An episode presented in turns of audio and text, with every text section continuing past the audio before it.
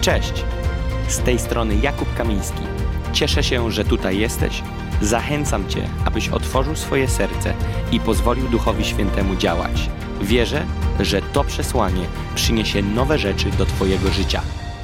Słuchajcie, kochani, naszym celem jest, aby ten panel nie był sobie czasem, w którym ja z pastorem Wojtkiem Jarkiem pogadamy, bo my pogadać możemy, e, wiecie, na przerwie, ale naszym celem jest, abyśmy mogli wszyscy razem e, posłuchać pewnych rzeczy i fenomen tego panelu jest taki, że pastorzy nie znają pytań. E, Pan bo, zna. bo ja je znam od pięciu minut. Ponieważ chcieliśmy być otwarci i pytania po prostu, które pojawiały mi się w ostatnich minutach, spisywałem je e, i chcemy być po prostu tacy naturalni. Nie chcemy tworzyć jakichś dziwnych pytań, e, dziwnych odpowiedzi. Chcemy po prostu porozmawiać w wymiarze praktycznym, e, kontynuując to, co powiedział i pastor Wojtek, i pastor Arek. Zapisałem sobie takie pytanie, jest fajna inicjatywa, super. Siedzimy razem, widzimy tłum wychodzący ewangelizować. Ulice Warszawy zobaczą ludzi chodzących, ewangelizujących. Moje pytanie e, brzmi w ten sposób. Czy ewangelizowanie to tylko duże grupowe inicjatywy i czy tylko ewangeliści mają głosić? To jest moje pierwsze pytanie. Można się przekrzykiwać, kto pierwszy, ten lepszy. Pastor. Ja myślę, że przede wszystkim ewangelizowanie to jest opowiadanie swojej historii każdego człowieka wierzącego. Myślę, że to jest trochę taka mitologia na temat ewangelizacji, że to jest taki ciężki trud, ale myślę, że najwięcej ludzi do kościoła dzisiaj przychodzi dlatego, że ktoś taki jak ty opowiada drugiemu człowiekowi, swojemu znajomemu, swojemu sąsiadowi swoją historię i do tego jeszcze może właśnie to, co powiedzieliśmy, obdarzyć go dobrym czynem, dobrym słowem, troską, e, uważnością, rozmową. A jak walczyć z taką a, ideą, myśleniem, gdzie, gdzie, gdzie Kościół e, stara się zrzucić odpowiedzialność na ewangelistów e, i mówią, to ewangeliści są od głoszenia słowa. Pytanie jest, kontynuując to pytanie, pastorze Wojtku, jak myślisz, e, jakby brzmiała odpowiedź, gdyby ktoś zadał stricte te pytanie, tak jak dzisiaj, no to czy, czy tylko ewangeliści są powołani do głoszenia i czy oni jacyś bardziej są do tego głoszenia, czy my wszyscy powinniśmy być odpowiedzialni za niesienie dobrej nowiny? Myślę, że odpowiedź jest dosyć oczywista. Słowo Boże pokazuje, że po to otrzymaliśmy moc Ducha Świętego, abyśmy mogli być świadkami e, wszędzie tam, gdzie, gdzie pójdziemy. Oczywiście Biblia również mówi o pięciorakiej służbie, o szczególnym e, powołaniu, namaszczeniu e, typu ewangelista. E, Ci ludzie w szczególny sposób są do tego dedykowani. Nie tylko do głoszenia oczywiście Ewangelii, ale do tego, żeby wyposażać Kościół, do tego, żeby Kościół wiedział, jak właśnie e, być e, świadkiem, abyśmy wiedzieli, jak być, jak być świadkami wszędzie tam, gdzie jesteśmy. Więc tak naprawdę to żniwo, które jest do zebrania, ono nie będzie zebrane przez ewangelistów tylko. W dużej mierze ono będzie zebrane przez powszechne kapłaństwo, przez wierzących, którzy są powołani do tego, żeby właśnie to, co tutaj pastorek powiedział, swoim świadectwem, ponieważ, ponieważ my nie musimy, nie musimy być, nie, nie, musimy, że tak powiem, głosić jako taką. E, Ale jeśli mamy swoją historię, to nikt nam tego nie odbierze. Historia ma to do siebie, że, że po prostu to jest autentyczne, to jest prawdziwe. I jeszcze do tego dołożyć to, o czym wcześniej wspominałem, że jeśli jesteśmy z Nim, że On nas zgromadza, żeby być z Nim i w tym nie tylko jest jakby słowo, ale jest i moc, to już w ogóle e, mamy, że tak powiem, e, środki wybuchowe. No dobrze, ale ja zagram taką osobę trochę sceptyczną do tego, co mówicie i powiem tak.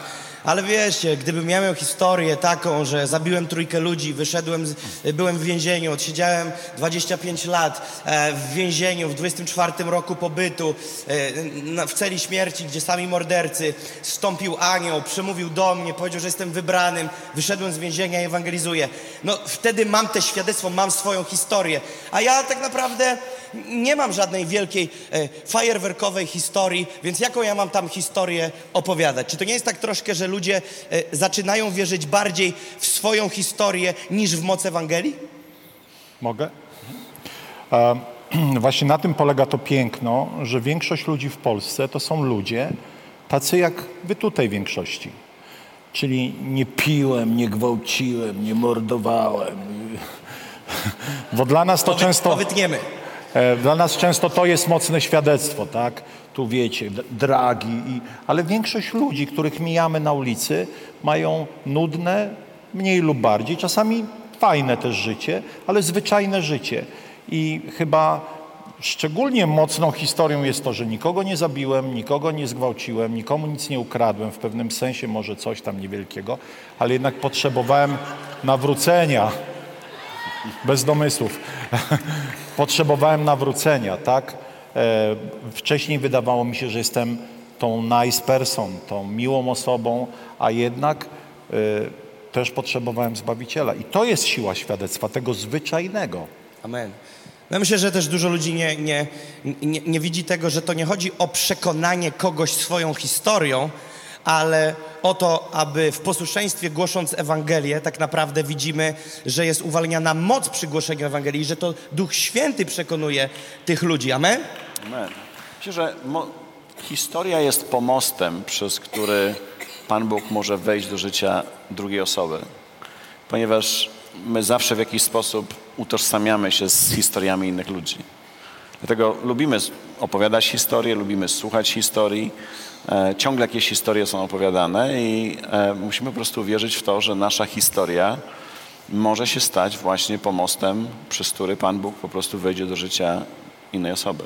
No dobrze, ale jak mogę zareagować na sytuacje, z którymi mamy do czynienia, myślę, wszyscy w naszych kościołach, z gronem osób, które są od wielu lat nowonarodzone?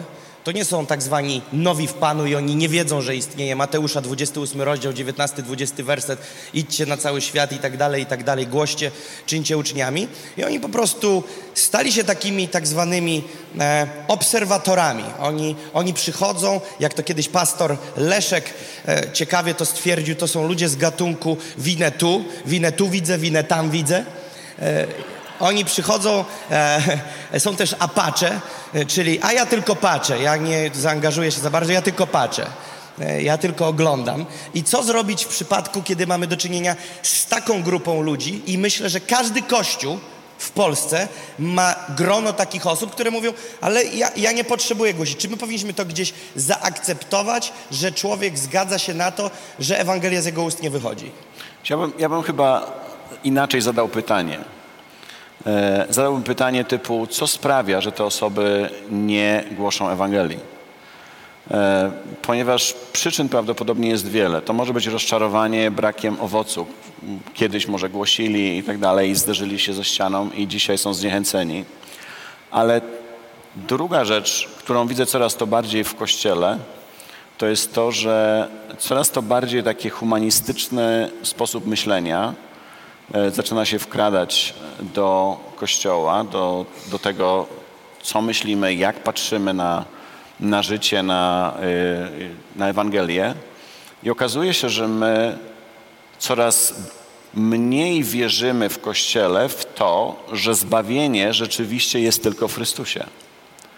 A więc Kościół zaczyna coraz to bardziej wierzyć w to, że jeśli będziesz dobrym człowiekiem, to y, będziesz zbawiony. To sprawia, że przestajemy widzieć przynaglenie, potrzebę głoszenia Ewangelii, ponieważ wydaje nam się, że dobrzy ludzie będą zbawieni, a więc e, potrzebujemy wrócić do istoty Ewangelii, do, tym, do tego, o czym pastor Arek mówił podczas swojego y, wykładu, do prostoty e, tego, o czym mówi Ewangelia, że nie ma innego imienia pod niebem, które dało, zostałoby dane człowiekowi, przez które może być zbawiony. Że nie ma zbawienia poza Chrystusem. To jest, to jest główne przesłanie Ewangelii. W przeciwnym bądź razie Chrystus nadaremnie umierał. I myślę, że tutaj szukałbym przyczyny tego, dlaczego często nie głosimy dzisiaj Ewangelii. Też jest taka, jeszcze jest kilka elementów, ale właśnie, żeby upraszczać, a nie, nie kombinować. Ja myślę, że też my wszyscy musimy, e, nie mówię wy, ale, ale ludzie, ludzie wpływu, liderzy, my musimy wszyscy posypać głowę popiołem, bo my bardzo często motywujemy ludzi przez poczucie winy. E, I niestety to poczucie winy zawsze działa na chwilę. Ty ośle, dlaczego nie ewangelizujesz? Zobacz, jesteś winny ich krwi i tak dalej, i tak dalej. Bo nas tak uczono. My też byliśmy w kościołach, w których ciągle byliśmy motywowani przez poczucie winy. A gdyby odwrócić tą całą sytuację i po pierwsze, to o czym dzisiaj tu mówimy od dwóch dni, szukać przebudzenia, ale mojego, mojego osobistego, bo zanim Polska się przebudzi, to każdy z nas musi się przebudzić, szukać Pana i kiedy zapłoniesz, zaczynasz rzeczy widzieć inaczej. Zaczynasz je rozumieć. Drugi problem to jest taki aspekt społeczny, ponieważ nie mamy nowych znajomych. Temu głosiłem, temu głosiłem, temu. I teraz dopiero przebudzony człowiek zadaje sobie ten trud, aby poznać ludzi spoza swojego kręgu. Ja pamiętam, jak moja małżonka z e, Beatą Mazurek, która tu jutro będzie śpiewać, żeby zewangelizować... To miała być niespodzianka. A, przepraszam. No, to... To dla 600 osób nie mówcie. Nie, nie ten. E, to e, zapisały się na fitness, żeby dotrzeć do dziewczyny, której głosiły Jezusa, ponieważ jej mąż chodził do kościoła, a ona jeszcze nie. I ta desperacja to jest ogień, który płonie w nas. Hmm. Amen. A więc wszyscy będziemy ewangelizować, bez poczucia winy, wzbudzania. Bez poczucia winy, tak, tak, tak, tak, tak, tak. Słuchajcie, chciałem nawiązać też do tego, co tak naprawdę wydobywało się z waszych przesłań, e, ponieważ tutaj pastor Wojtek powiedział o mikroskopowej perspektywie i teleskopowej. E, pastor Arek e, powiedział takie zdanie o ślepocie e, i teraz chcę do, dokończyć to pytanie, co może nam pomóc, aby nie być ślepym? Ponieważ wydaje mi się, że nie ma sensu analizować, czy mniej szkodliwe będzie mieć tylko perspektywę mikroskopową, czyli taką lokalną, bądź ewentualnie teleskopową, makro, globalną. Myślę, że nie ma sensu dziś rozstrzygać, co jest większym złem.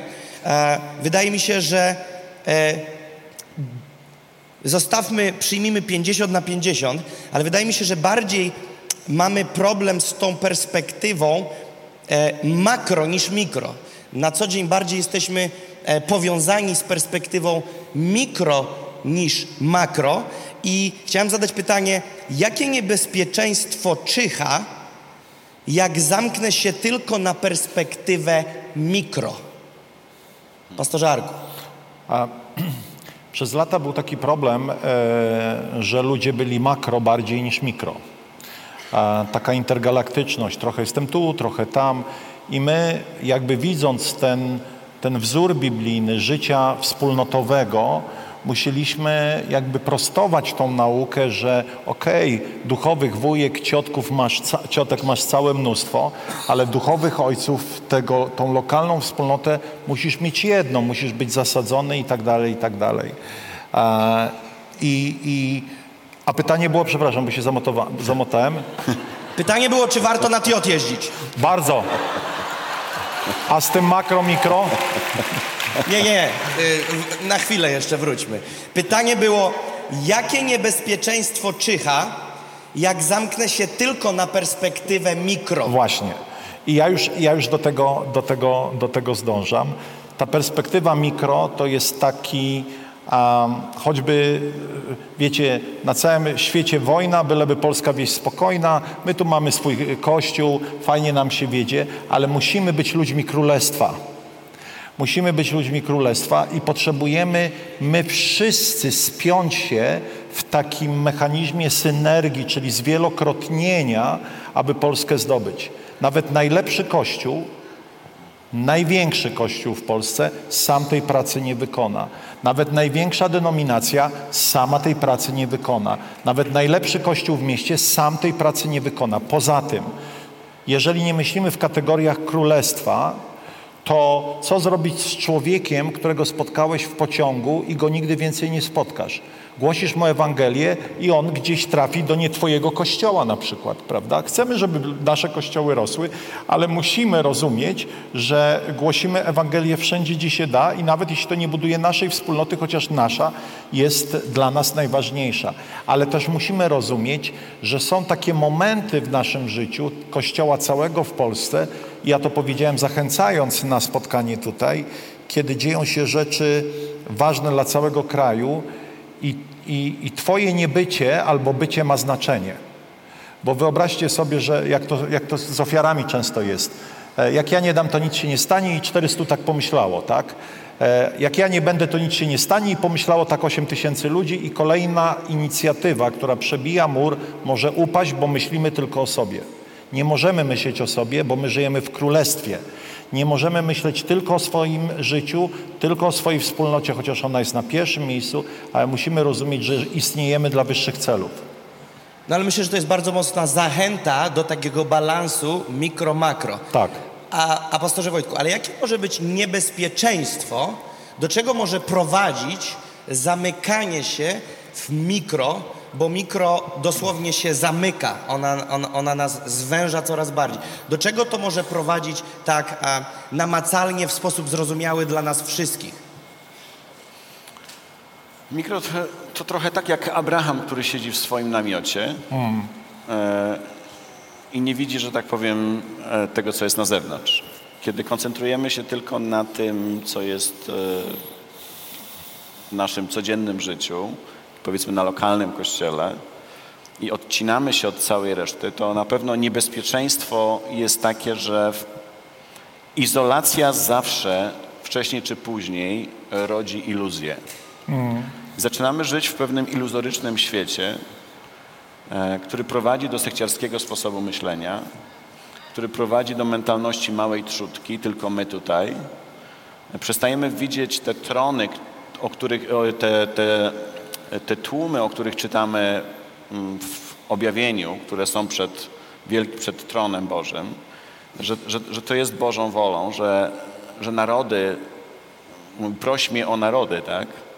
Więc kiedy jesteśmy mocno sfokusowani, nadmiernie sfokusowani tylko na tym swoim lokalnym, to przestajemy widzieć tą większą perspektywę, a poza tym coraz to bardziej jakby ograniczamy się do tego, do tych swoich zasobów, swoich możliwości i coraz to większa ciesnota serca i umysłu się pojawia, e, tak iż nie jesteśmy w stanie zobaczyć, że jest jakiś inny świat.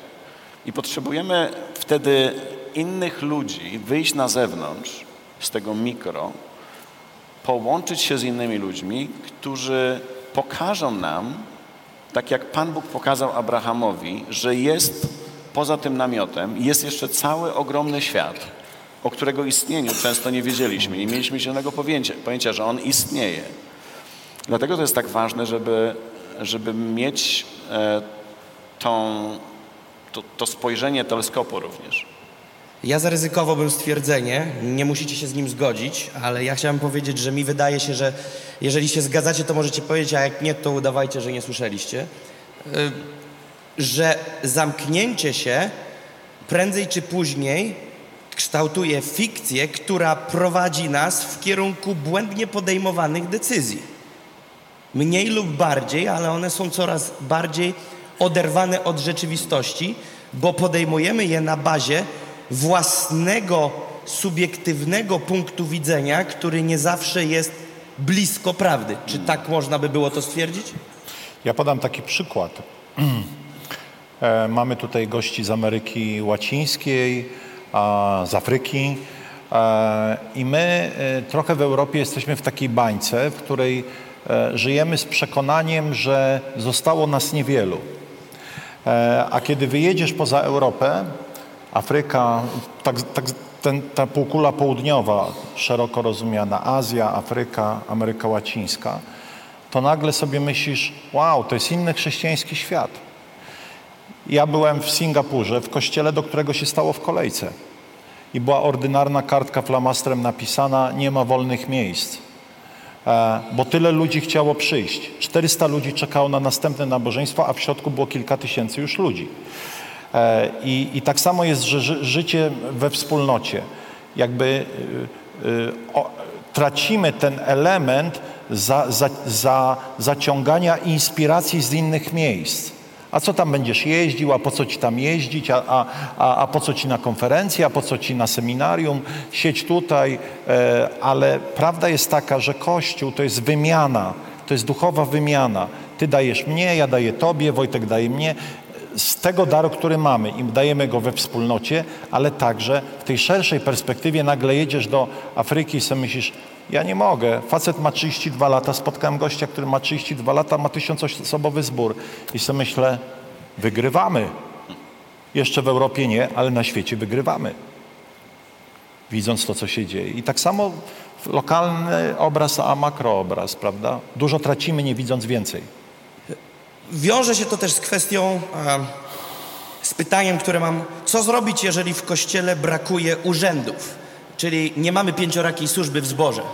Nie mówię o kościele w Polsce, bo, bo mamy pięcioraką służbę. Jeżeli byśmy zebrali to, zlepili w cudzysłowie z Polski. Natomiast co zrobić, jeżeli brakuje nam w kościele urzędów, darów i jakie zagrożenie jest, gdy tylko jeden urząd lub dwa ciągną wszystko i jakie ewentualnie jest ku temu rozwiązanie, jeśli, no wiadomo, ktoś powie, no niech powstanie pięcioraka służba, no ale każdy z nas chciałby mieć w swoim kościele pięcioraką służbę, a więc do jakiej w cudzysłowie patologii może prowadzić, że, że Kościół jest prowadzony bez pięciorakiej służby i co robić jako rozwiązanie na ten okres czasu, kiedy nie mamy tej na stałe u nas pięciorakiej służby? Powiem tak, że każdy dar ma, e, mo, może nastąpić projekcja każdego daru. Czyli swój dar zaczynam projektować na wszystkich i po czasie e, to staje się ograniczeniem dla Kościoła. Dajmy na to, jeśli w kościele lokalnym mamy tylko do czynienia z, z, z darem pastorskim, pastor zawsze będzie starał się gromadzić i zachować. Teraz, jeśli nie mamy apostolskiego e, obdarowania, to nie będziemy chcieli wysyłać. E, nie będzie tego drive'u, nie będzie tego, tego przynaglenia do tego, żeby pójść. E, nie będzie tego szerszego myślenia budowania Kościoła. E, I tak z każdym darem jest, e, że, że, że to niebezpieczeństwo projektowania następuje i Kościół staje się bardzo ubogi, bardzo ograniczony. Dlatego potrzeba nam wtedy wyjść poza swój lokalny obszar i zobaczyć, że jeśli na obecną chwilę nie posiadam takiego czy innego obdarowania w moim kościele lokalnym, to potrzebuję czerpać z takiego obdarowania, które jest w kontekście ciała Chrystusa w Polsce. I sugerujemy zapraszanie gości? Jak najbardziej. Po, potrzeba po prostu e, podpierać się, że tak powiem, e, tymi darami, ponieważ kiedy, kiedy zapraszasz dar, zapraszasz człowieka, który, który niesie coś, to nie zapraszasz go po to, żeby on w niedzielę wygłosił kazanie. Ja, e, u nas w Winicy mamy kilkanaście osób, które, które usługują słowem. Więc kiedy ja zapraszam osobę, kiedy ja cię zapraszam, Jakub, powiedzmy do winnicy, to nie dlatego, żebyś w niedzielę powiedział kazanie, bo nie mamy komu, y, że tak powiem, żeby ktoś powiedział. Ja myślę sobie, potrzebujemy, żebyś ty przyjechał i żebyś uwolnił coś z daru łaski, który nosisz, żebyś uwolnił coś, czego my nie mamy. I tak jest z każdym darem łaski. I myślę, I myślę, że jako pastorzy my potrzebujemy uwolnić się od takiego myślenia, które kiedyś gdzieś tam pokutowało, że fajnie by było, może byś przyjechał i pogłosił u nas. Nie? E, Myślę, że też e, to, o czym mówiłem dzisiaj, że a, taka, jeżeli pastor, lider jest zdrowy wewnętrznie, na duszy, on e, czuje się bezpiecznie sam ze sobą, to on zawsze będzie chciał innych ludzi czynić większymi od siebie. Bo list Efezjan mówi, że my jesteśmy po to, abyście wy byli wielcy. Nie wiem, czy łapiecie o co chodzi. To jest służebne przywództwo, czyli i ja tutaj nie picuję, są ludzie z Filadelfii, możecie ich zapytać, że, że tak, tak żyjemy i tak wierzymy. Czyli ja ciągle wypatruję ludzi, których chcę uczynić większymi od siebie. ciągle chcę znaleźć ludzi, którzy nie będą dla mnie zagrożeniem, ale, ale oni osiągną pełnię potencjału, którą Bóg ma dla nas. I to w kontekście tych urzędów, tak? Czyli uwalniamy ludzi, czujemy się bezpiecznie jako ci licealni nauczyciele, którzy są dumni z tego, że sami może nigdy nie stali się profesorami, ale mają wśród swoich absolwentów profesorów, docentów, doktorów. Myślę, że to też jest odwrócenie tego, e, co dotychczas pokutowało, czyli, czyli takiego jednoosobowego aktorstwa, przywództwa, przepraszam, e, w stronę ja jestem, aby was uwolnić, aby wszystkie te diamenty odkopać. Nawiązując do tego, co mówimy i zmierzając do końca, zostało nam ostatnie kilka krótkich chwil. E, ja od siebie chciałbym powiedzieć, że, e, że ja naprawdę wierzę, że w Kościele, jako osoby odpowiedzialne za Kościół, jesteśmy głównymi liderami, że powinniśmy zapraszać gości. Powinniśmy zapraszać dary. Nie chodzi o gościa dla gościa, tak jak mówisz, pastorze Wojtku, przyjedź pogłosić, bo będzie fajnie, bo później ja do ciebie pojadę, bo macie fajną restaurację. Tylko chodzi o to, żeby przy, przynosić te, e, tak naprawdę ja porównuję usługiwanie innych osób do wietrzenia kościoła. Kiedy jesteśmy, budzimy się Budziliście się kiedyś w sypialni bez żadnych wentylatorów i bez otwartego okna i nie wiedziałeś, że jest dramat, ale na chwilę wyszedłeś z mieszkania i wróciłeś do swojej sypialni i okazuje się, że jak ty tam przeżyłeś? Wiecie o czym mówię? Okazuje się, że jest jakiś dramat. Dlaczego? No bo się zasiedziało, za, za po prostu zaciągnęło, a więc potrzebujemy otworzyć okno, ale czasami te jedno okno nie wystarcza, bo nie ma przewiewu, więc staramy się otworzyć okna gdzieś na przestrzał, aby mogło wpaść po prostu powietrze, które przefiltruje to, co jest. I mam wrażenie, że kiedy zapraszamy innych gości do naszych społeczności, to mamy, taki, y, mamy taką szpilkę w naszą iluzję, bo każdy, każdy z nas, ja, ja, ja też jestem podatny na iluzję, że, że my tak, my to, ale przyjeżdża ktoś i nagle głosi i ty myślisz, kurczę, jestem kameleon, bo się czerwienie co chwilę, bo okazuje się, że to, co tam gdzieś myślałem, że wygląda tak i tak, ktoś przyjeżdża i mówi i w sumie jest to prawda i dobrze, że ten ktoś to mówi, bo byliśmy wszyscy święcie przekonani, że jest zupełnie inaczej. Ale chciałem też e, powiedzieć, że wierzę też, że powinniśmy nie tylko w kontekście kościoła lokalnego e, zapraszać dary, bo, bo też wierzę, że powinniśmy czasami jako kościół pojechać gdzieś i zobaczyć, jak inni coś robią. Co wy na to? Ja na przykład słyszałem inicjatywy, że e, nie pamiętam, Wrocław jeździł do kogoś na młodzieżówki, WDJ. Młodzieżówka do kogoś na młodzieżówkę jeździła. Yy, Be the Light, młodzieżówka Wrocławia WDJ-u od pastora Adama i Agnieszki Piątkowskich. Na przykład pakowali się w kilkadziesiąt osób i jako młodzieżówka jechali do innego kościoła i spędzali tam e, weekend. A później jakaś rotacja i ktoś inny. Co, co, co uważacie na to, że kościołami powinniśmy uczestniczyć w jakichś innych inicjatywach? Amen. Zapraszamy. Zapraszamy, tak. Ja pamiętam, po, powiem tak, pamiętam, e, kiedy byłem jeszcze małym chłopcem i na podwórku graliśmy z chłopakami w piłkę. Graliśmy dużo w, e, w piłkę nożną. Mnie nie wybierali. Ciebie wybierali.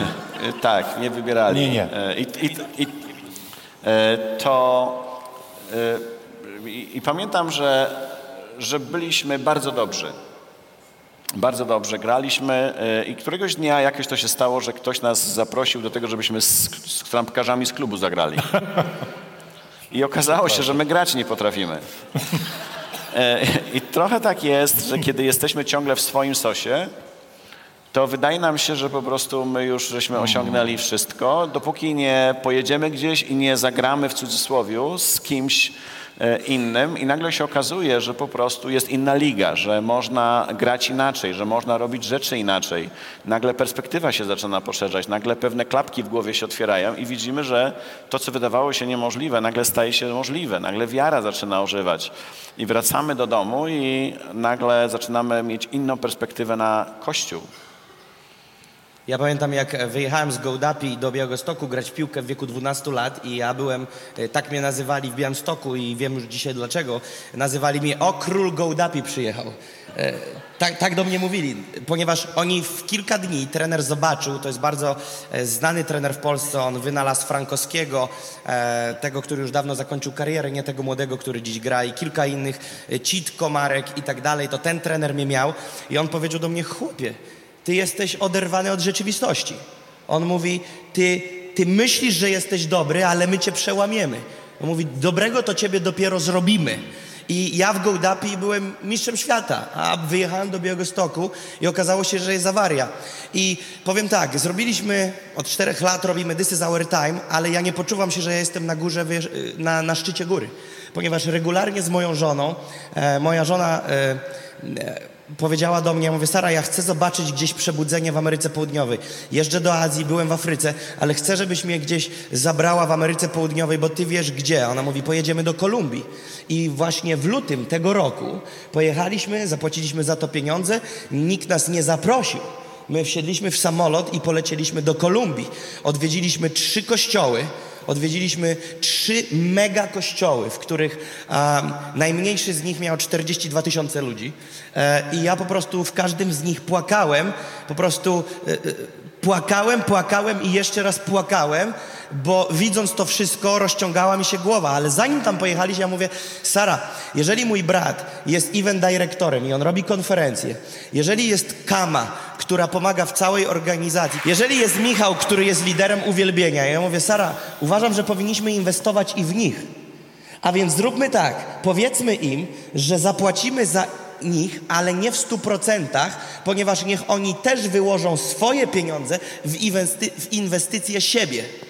I polecieliśmy do Kolumbii, zobaczyliśmy niezwykłe rzeczy, wydaliśmy kupę pieniędzy, których nie chciało się wydawać, ale efektem tego, jednym z wielu jest to, że dzisiaj na konferencji This is Our Time są pastorzy Ricardo i Patricia Rodriguez. Wiecie, a więc inwestycja w rozciąganie swoich palików, inwestycja w nas, w siebie, w naszą wspólnotę musi się prędzej czy później odbić pozytywnie na ludzi, z którymi my się otrzemy, bo bogactwo, które my bierzemy, te ubogacenie, w którym my chodzimy, zaczyna wpływać na innych. I Jeśli, nie, jeśli mogę jeszcze tylko e, tak się wtrącę, wiem, że to jest e, cud, że udało mi się. E, ja i ale- tak długo wytrzymałem. Ja i tak długo wytrzymałem. Ale chciałem powiedzieć, że, że to musi być droga dwukierunkowa. E, że tak samo jak e, ktoś, kto jest powiedzmy w tym miejscu, w którym potrzebuje się rozciągać, tak samo ci, którzy są trochę dalej, potrzebują mieć postawę pokory, uniżenia i chęci pomocy względem tych, którzy gdzieś nie, nie osiągają powiedzmy takich sukcesów, czy takiego rozwoju służby. W naszym kraju jest multum kościołów, małych kościołów, które są prowadzone przez lata przez pasterzy, którzy są wierni w tym i Tak. położyli swoje życie. I ci, którzy mają jakieś większe służby, e, nie mogą z góry patrzeć, e, a z arogancją, z jakimś poczuciem wyższości. Potrzebujemy myśleć w kategoriach, jak pomóc, jak rozwinąć. I wtedy potrzebujemy tego mikroskopu, żeby pochylić się nad kościołem lokalnym, pojechać do kościoła lokalnego e, i po prostu przyglądnąć się temu, budować. Ale i tutaj oczywiście znowu trzeba, musi być otwartość liderów lokalnego kościoła, żeby chcieć zaprosić kogoś, kto przyjedzie i pomoże im tą perspektywę poszerzyć, pom- pomoże im poukładać czasami rzeczy. A więc, a więc ta postawa pokory musi być i w jedną, i w drugą stronę. Ja myślę, tak, bardzo mi się to podoba, co Wojtek mówi. Kiedyś, tak, tak, Mi też, żółwik. tak. Pozwolę sobie z nazwiska wymienić mój serdeczny przyjaciel Bogdan Oleknowicz powiedział taką rzecz kiedyś będąc u nas, że Bóg też kocha martwe kościoły. Bóg kocha martwe kościoły. Dlatego, że kocha ludzi. Prawda? Dlatego, że nie chce, żebyśmy my byli w takich miejscach. I my musimy uszanować Bożą miłość i pomóc. Oczywiście jeden chce, drugi nie chce, ale ja przestrzegam, jeśli Twój Kościół się rozwija, to, to, to, to nie, nie, nie umniejszaj Bożemu dziełu, prawda? Ale z drugiej strony trzeba chodzić z takim, no, Kartlisko. no naprawdę nie świrować z tym celebryctwem kościelnym i chodzić w pokorze przed Panem i przed ludźmi. Y, I tyle, nie? O. Czas na pytanie, które jest bardzo obiektywne. Z sali pytanie. Czy warto jeździć na This is Our Time? Powiem, że pytanie jest tendencyjne. Tendencyjne, tak. To znaczy, Wiem. to trzeba zapytać salę. Wiem. To trzeba zapytać salę. Nie, ponieważ e, perspektywa jest taka, że od ludzi, którzy jeżdżą, słyszę fajnie. Ale pytanie, pytanie, oczywiście są tacy, którzy mówią, że jestem szarlatanem i zwiedzionym prorokiem, to też jest w pakiecie. Natomiast co mogą dać takie inicjatywy jak te? Praktycznie, praktycznie. Dla pastorów, liderów, członków Kościoła, dla ciała koś- całego, Chrystusa. I nie tylko this is our time, bo są inne i daj Panie, niech będzie więcej innych inicjatyw, ale pytam stricte o This is our time. Co takie spotkanie jak dzisiaj, wczoraj i jutro, co taka inicjatywa daje i czy warto na This is our time jeździć? Po kolei. Czas jest zająć stanowisko, drodzy pastorzy. Rugają. Byłem dziennikarzem, mógłbym się wywinąć, ale się nie wywinę. E, moi drodzy, wszystko, wszystko, co poszerza naszą wizję, wszystko, co sprawia jedność, wszystko, co przenosi nas na inny level, e, jest godne naszej uwagi. E, I powiem tak, e, wszystko, co wyciąga nas z tych jaskiń duchowych, z tych miejsc zasiedzenia, jak tego Gedeona, pochowanych w tych jaskiniach, w tych piwnicach, z tym ciasnym myśleniem. I jeśli możemy być na takim spotkaniu i słuchać e, ludzi, którzy niosą ten ogień przebudzenia i czynią to w miłości, w szacunku do słuchaczy, to warto być na takim wydarzeniu, jak This is Our Time. To ja może, to ja może z, z drugiej strony powiem o tym, że kiedy jedziemy gdzieś, bo jest online. Wiadomo, nie wszyscy, nie wszyscy mogą tutaj dotrzeć i, i super, że jest online. Natomiast jak gdziekolwiek jadę, to w tych różnych miejscach odbieram również pewne rzeczy, że tak powiem, duchowo. To, to nie jest tylko kwestia jakby usłyszenia pewnego przesłania, to jest również odebranie atmosfery, odebranie klimatu, przyjęcie czegoś, tak jakby, nie chcę za dużo o zapłodnieniu mówić, bo, bo już dzisiaj mówiłem, ale, ale tak jakby Pan Bóg zapładniał nas na nowo czymś. Ja mam bujną wyobraźnię, więc nie idź w tą stronę. Ale, Nie, ale, no, ale, jest, ale jest, to jest coś innego, kiedy, kiedy jedziesz gdzieś i jesteś w tej atmosferze, widzisz to, to, to wewnętrznie cię poszerza. To się zapładniasz. Tak, tak jakby Pan Bóg po prostu coś składał, coś do naszego wnętrza. To nas zmienia, tak, To nas zmienia. Tak, to tak. nas zmienia. tak. Dziękuję Wam za rozmowę. Czy możemy podziękować? Modlę się, aby to przesłanie zaprowadziło Cię do zwycięskiego życia z Jezusem. Zajrzyj na moje media społecznościowe, gdzie możesz dowiedzieć się więcej o służbie Nations on Fire lub wesprzeć nas finansowo. Pozostajmy w kontakcie.